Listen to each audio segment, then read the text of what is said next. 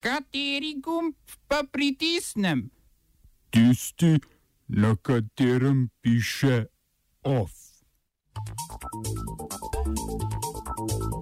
Pozdravljeni. Avstrijsko toživstvo preiskuje upokojenega polkovnika avstrijske vojske, ki je obtožen vohunjenja za Rusijo. Kancler Sebastian Kurz in obrambni minister Mario Kunesek sta javnosti sporočila, da je Avstrija namik o otekanju informacij pred nekaj tedni prejela od prijateljske obveščevalne službe, čemu so sledile preiskave. Upokojeni polkovnik, ki so ga že pridržali, naj bi od začetka 90-ih let prejšnjega stoletja do letos sodeloval z rusko obveščevalno službo SVR, za zdaj pa še ne morejo potrditi, da je šlo za osebo osamljen primer.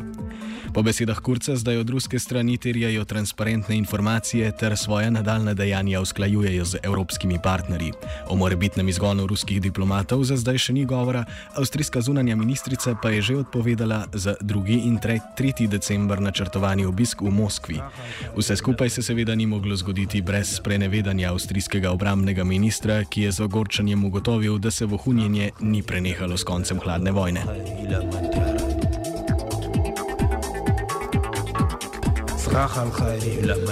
Nove zmage pa se na 80. obletnico kristalne noči veselijo tudi člani polskega nacionalnega radikalnega tabora, organizatori nacionalističnega shoda ob stoletnici polske samostojnosti, ki so na sodišču v Varšavi dosegli preklic prepovedi pohoda po prestolnici. Kot smo poročali včeraj, je prepoved shoda sprva dosegla varšavska županja Hanna Gronkevic-Valc, s čimer se je poskušala izogniti rasistični simboliki in vzklikom, ki so zasenčili lansko proslavo. Pohod, ki ga je na mesto omenjenega želela na istem mestu in ob istem času organizirati vladajoča stranka Zakon in pravičnost, je zdaj pod vprašanjem. V nacionalnem radikalnem taboru pa pričakujejo več 100 tisoč udeležencev.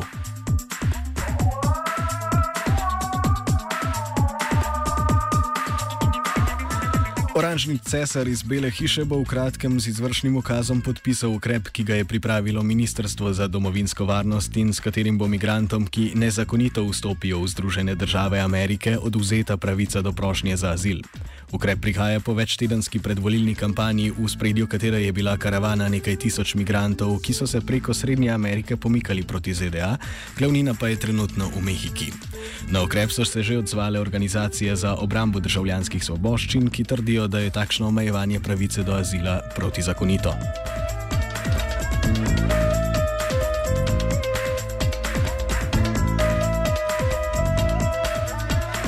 Hrvaška policija je proti posamezniku iz hrvaškega mesta Otočac vložila prijavo zaradi fake news. V skladu z zakonom o kršanju javnega reda in miru je bil 34-letnik obtožen širjenja laži, potem ko je lokalni televiziji posredoval posnetek, v katerem ga je domnevno napadel migrant, kar je ta nekritično posredovala naprej.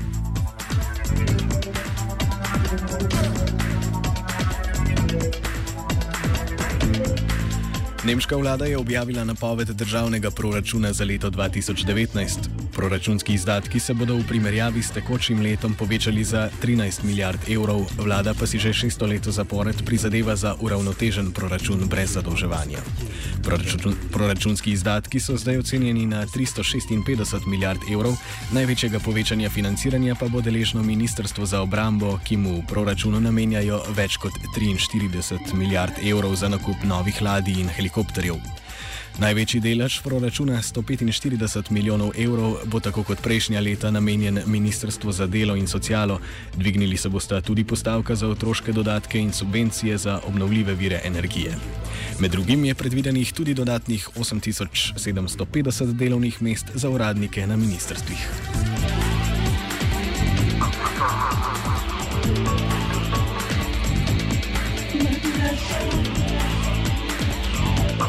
Škotska je postala prva država na svetu, ki v šolski kurikulum uvaja poučevanje o pravicah LGBT oseb in zgodovini boja za nje. Spremembo je dosegla delovna skupina pod vodstvom kampanje za inkluzivno izobraževanje TAJ, njen predlog pa je sprejelo Ministrstvo za izobraževanje. V javnih šolah bodo učenci tako deležni pouka o zgodovini gibanj za enakopravnost istospolnih in o spopadanju s homofobijo in drugimi oblikami diskriminacije na podlagi spolne usmerjenosti ter o LGBT identiteti. Škotska se v tem oziru ponaša tudi z največjim številom istospolnih parlamentarnih predstavnikov. V Rimu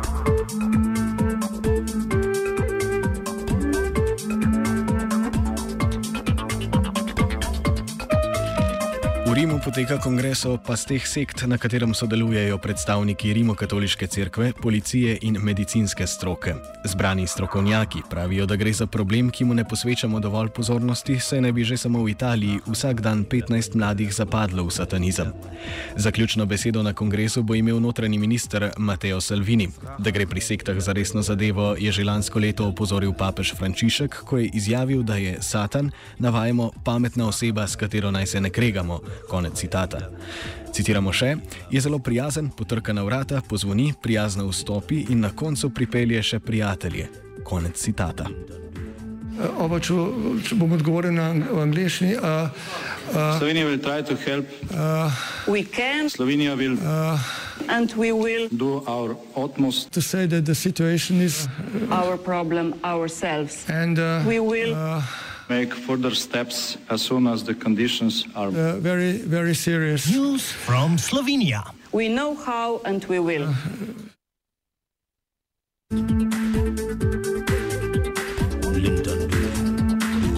Slovenski državni holding je prodal 59 odstotkov delnic Nove Ljubljanske banke po ceni 51,50 evra na delnico. Iz prodaje je država do zdaj iztržila okoli 609 milijonov evrov, prodani delež pa bi lahko narasel na 65 odstotkov. Država je v tem postopku po zavezi dani Evropski komisiji v zameno za odobreno državno pomoč banki konec leta 2013 prodajala najmanj 50 odstotkov plus eno delnico in največ 75 odstotkov minus eno delnico delnico na LB. Delež, ki je tokrat ostal v lasti države, bo ta morala prodati do konca prihodnjega leta.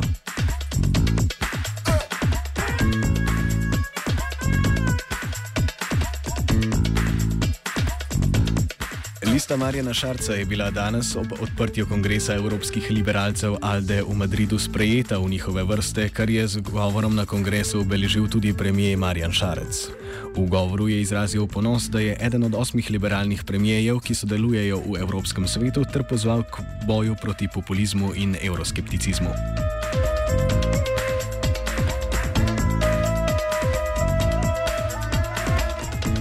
Za konec pa še opozorilo vsem, ki morate v naslednjih dneh in tednih urediti kakšen formalen del svojega življenja. Zaposleni na upravni enoti Ljubljana so napovedali stavkovno dejavnost, ki se bo začela s prihajajočim ponedeljkom. Sprva bo delo potekalo tako, da bodo z delom zaključili takoj po koncu uradnih ur, ne glede na število čakajočih.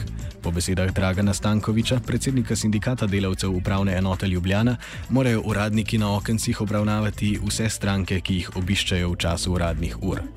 Popoldanska izmena okenskih uradnikov se tako večinoma podaljša vsaj za uro ali uro in pol, pogosto tudi dlje. Delavcem nadurno delo ni niti odrejeno, niti priznano. Do 20 nadur na mesec jim priznajo kot navadne ure, presežek nadur pa lahko porabijo le kot proste ure. Zaposleni na okencih sicer v najbolj kritičnih mesecih občasno prejmejo dodatek za povečan obseg dela, ki pa znaša okoli 20 evrov. Če se stanje ne bo izboljšalo, nameravajo ukrepe zaustrevati vse do klasične stavke s popolno prekinitvijo dela.